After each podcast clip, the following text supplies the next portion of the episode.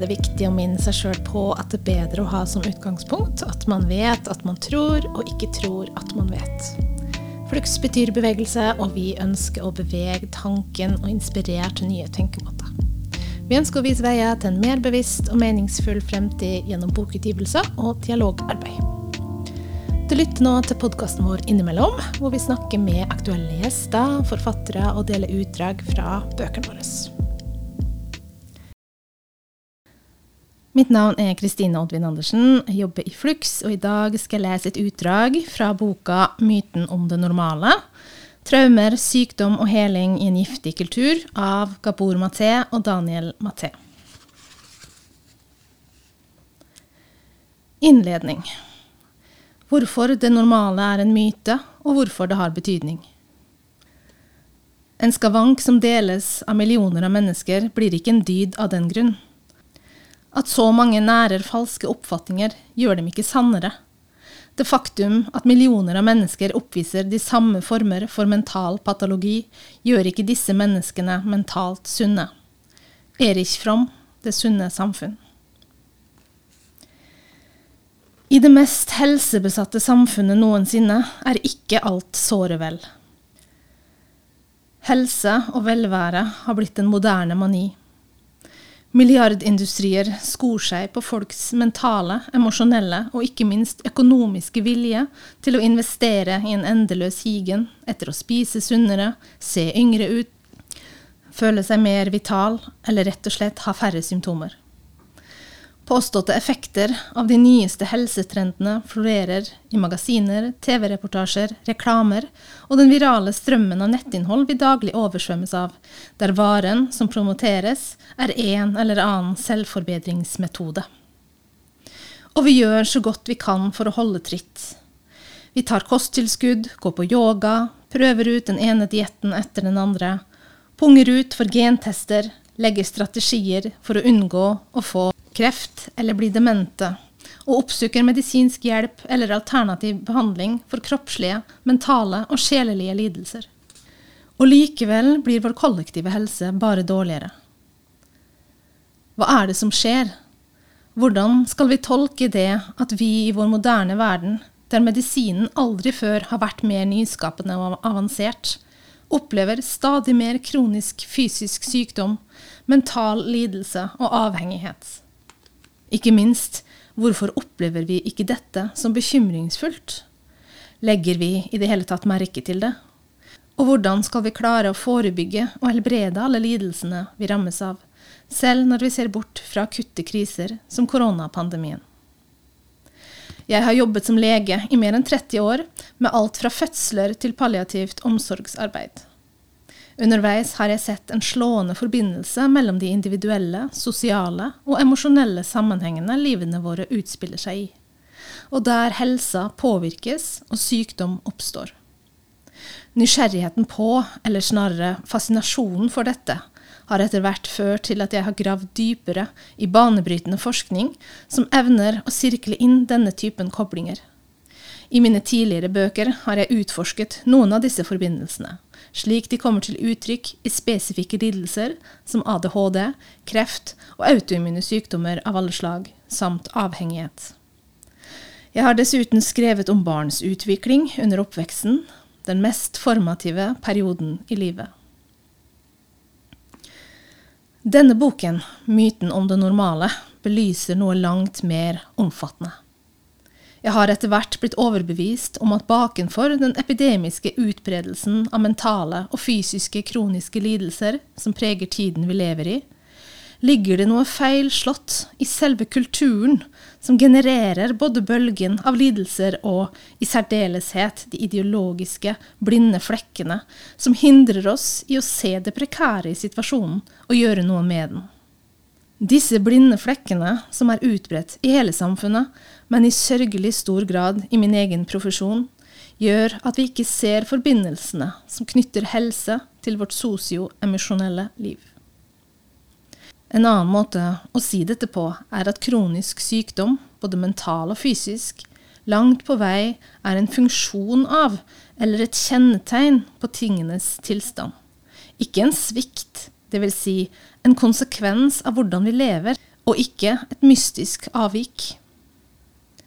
Formuleringen 'giftig kultur' i denne bokens undertittel kan henspille på den miljøforurensningen som har rådet helt siden den industrielle tidsalderens begynnelse, og som er så uforenlig med god helse. Og det skorter definitivt ikke på faktiske, fysiske giftstoffer blant oss, det være seg asbest eller CO2 på ville veier.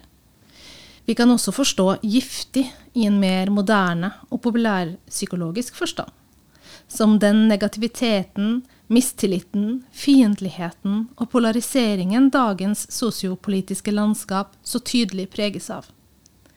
Vi kan selvsagt innlemme begge disse betydningene i diskusjonen, men jeg bruker giftig kultur som en beskrivelse av noe enda videre og dypere rotfestet.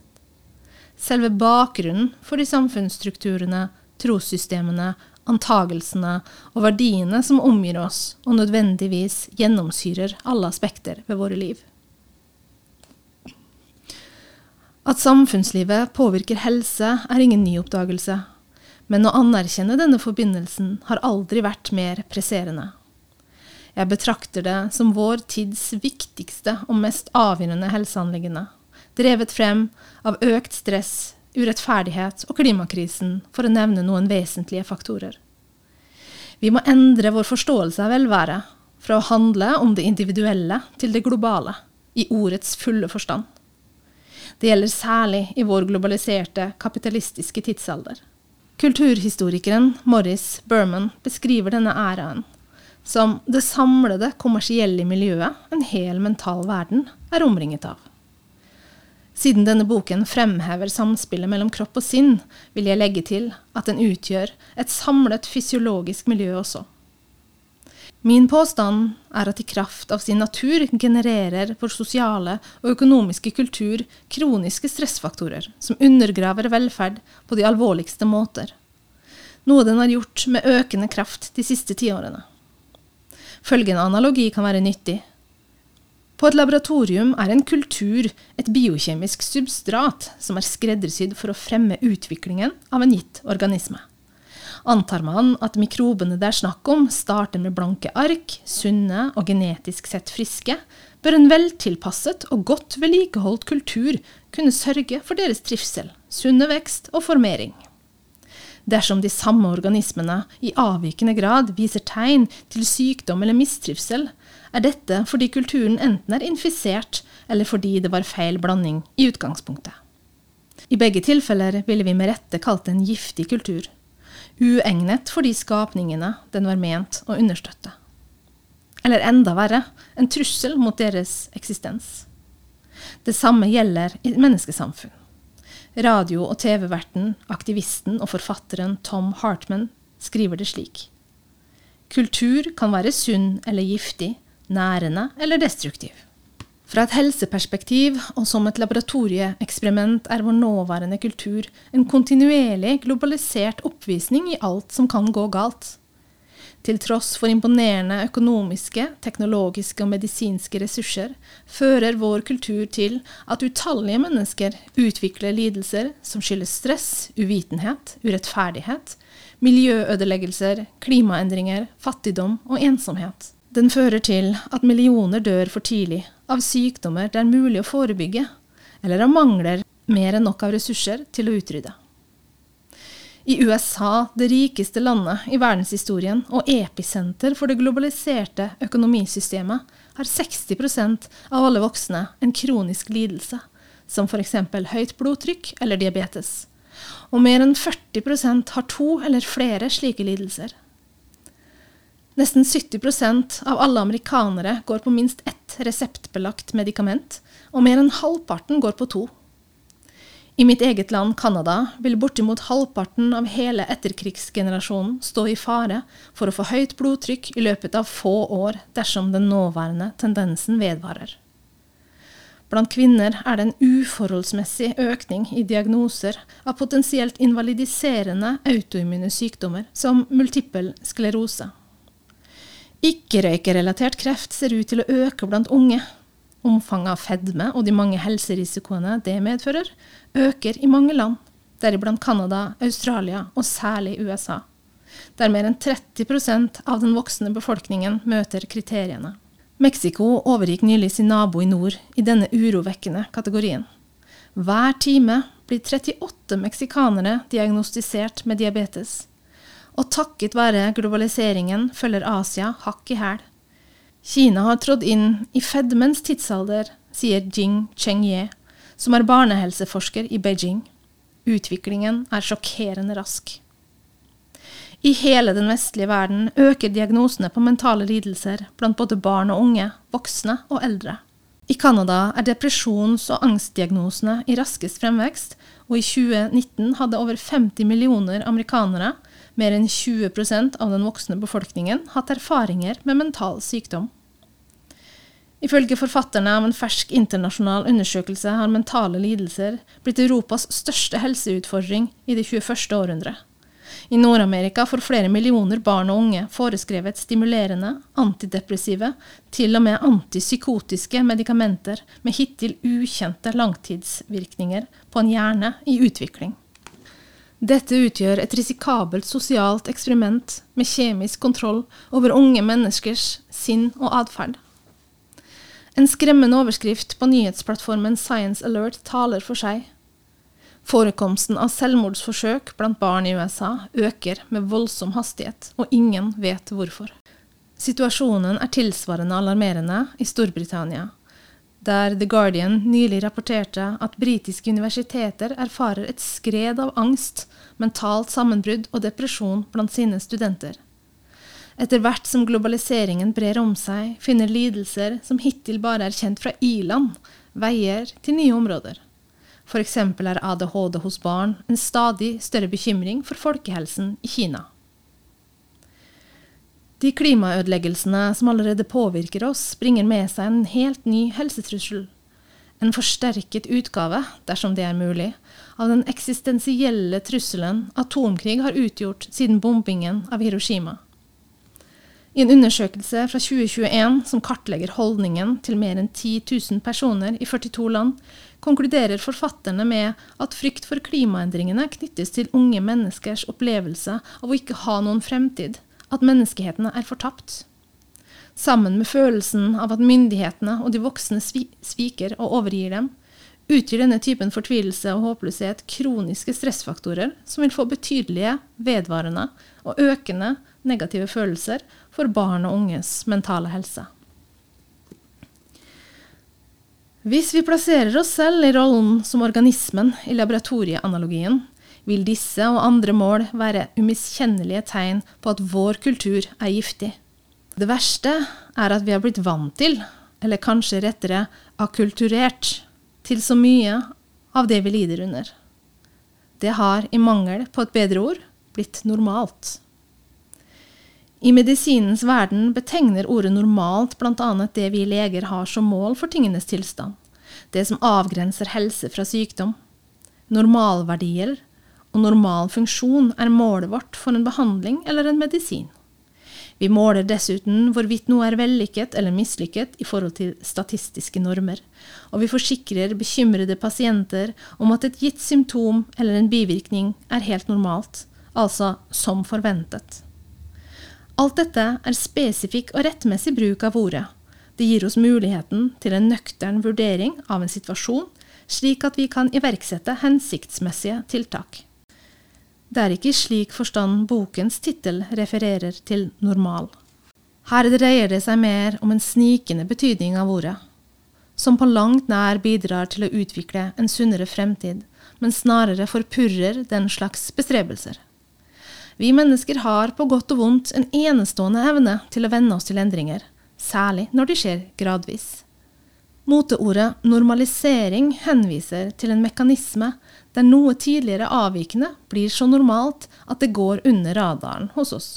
På et samfunnsmessig plan betyr dermed normal ofte ikke bemerkelsesverdig.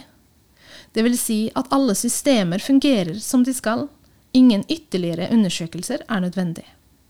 Slik jeg ser det, er sannheten en ganske annen. Ordkunstneren og forfatteren David Foster Wallace åpnet en gang en tale for avgangsstudenter med en artig lignelse som anskueliggjør problemet med normalitet. Historien handler om to fisker som støter på en av sin egen arts eldre og vise. Denne hilser muntert 'God morgen, gutter. Hvordan er vannet?' Og de to unge fiskene svømmer rundt en stund, før den ene til slutt kikker bort på den andre og sier 'Hva i huleste er vann for noe?' Poenget Wallace ønsket å la publikum dvele ved, var at de mest normale, altomfattende og vesentlige fakta ofte er de det er vanskeligst å få øye på og snakke om. Wallace erkjente at det ved første øyekast kunne fremstå som en banal floskel, men i voksenlivets dagligdagse skyttergravstilværelse kan banale floskler være avgjørende for liv og død. Han setter rett og slett ord på denne bokens idégrunnlag. Folks liv og død, både når det gjelder kvalitet og i mange tilfeller varighet, er for oss alle nær forbundet med de sidene ved livet det er vanskeligst å få øye på og snakke om. Fenomener som, i likhet med vannet for fisken, er både altfor store og altfor nærme til at vi forstår dem. Med andre ord er det de elementene i dagliglivet vi nå oppfatter som normale, som i størst grad burde fange vår oppmerksomhet. Det er min hovedpåstand. Min fremste intensjon er således å bidra med en ny måte å se og snakke om disse fenomenene på og løfte dem fra bakgrunnen til forgrunnen, slik at vi lettere finner de sårt tiltrengte midlene mot dem.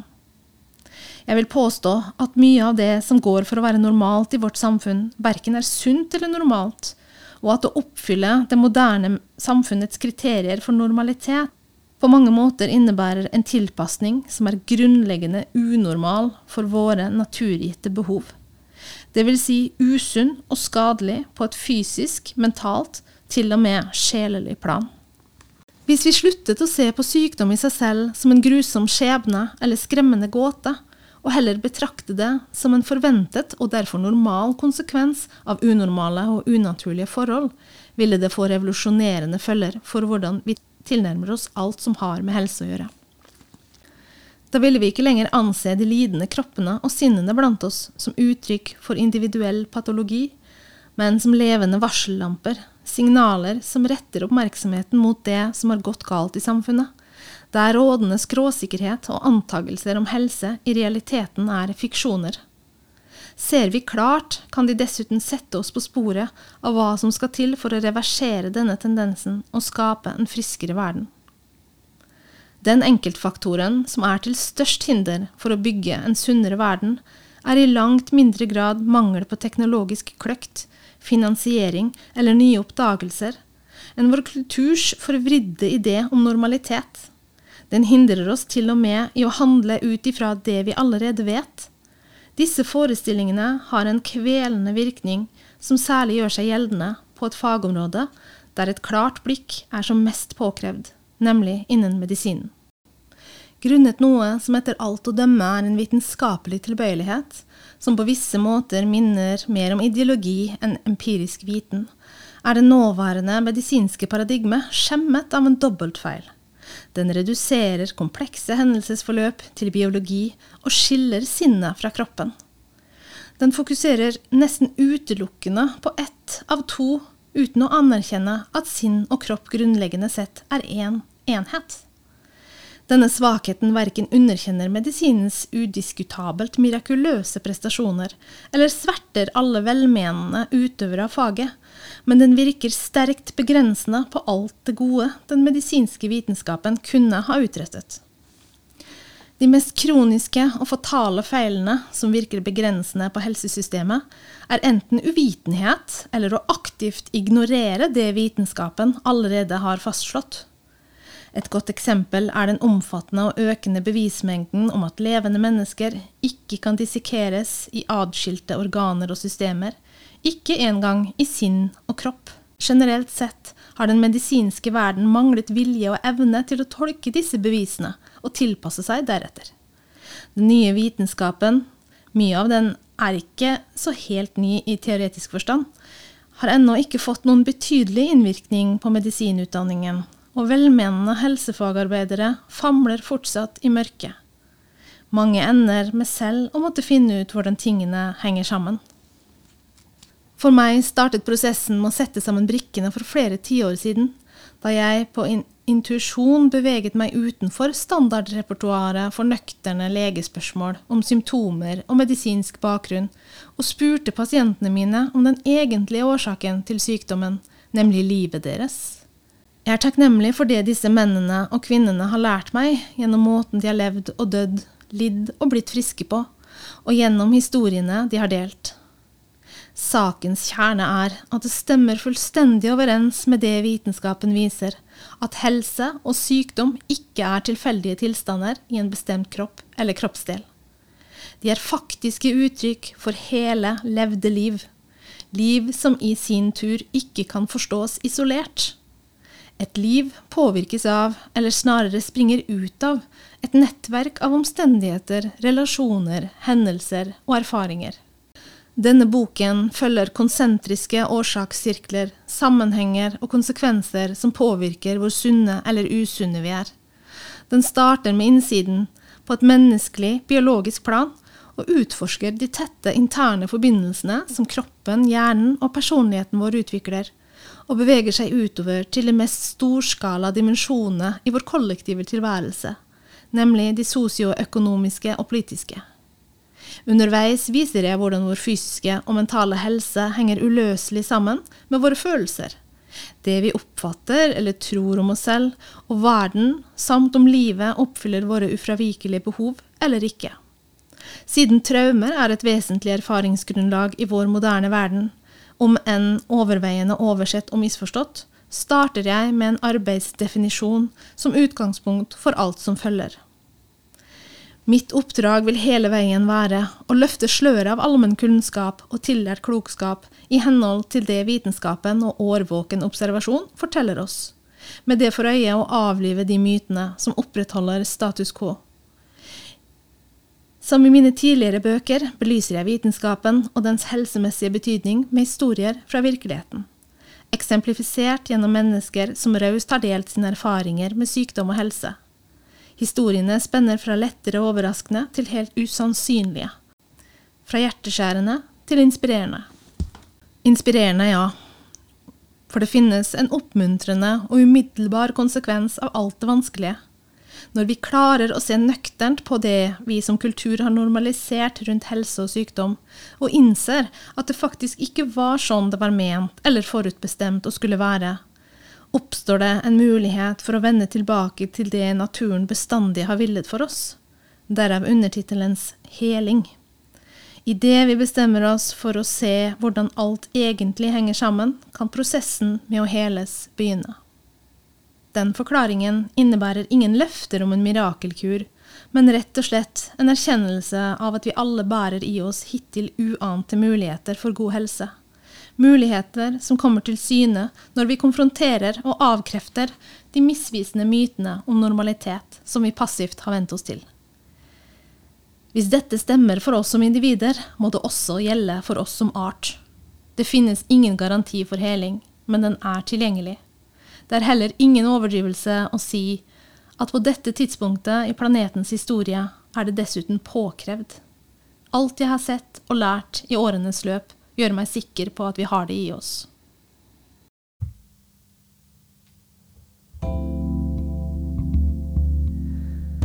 Du har nå innimellom alle dagens gjøremål lytta til noe som vi håper har bevega tankene. Du kan lese mer om Flux og vårt arbeid på flux.no. Der vil du også finne mer informasjon om alle våre bøker og prosjekter. Du kan også følge oss på Facebook og Instagram. Musikken som du hører i bakgrunnen, er laga av Olve Flakne, spesielt til oss i Flux.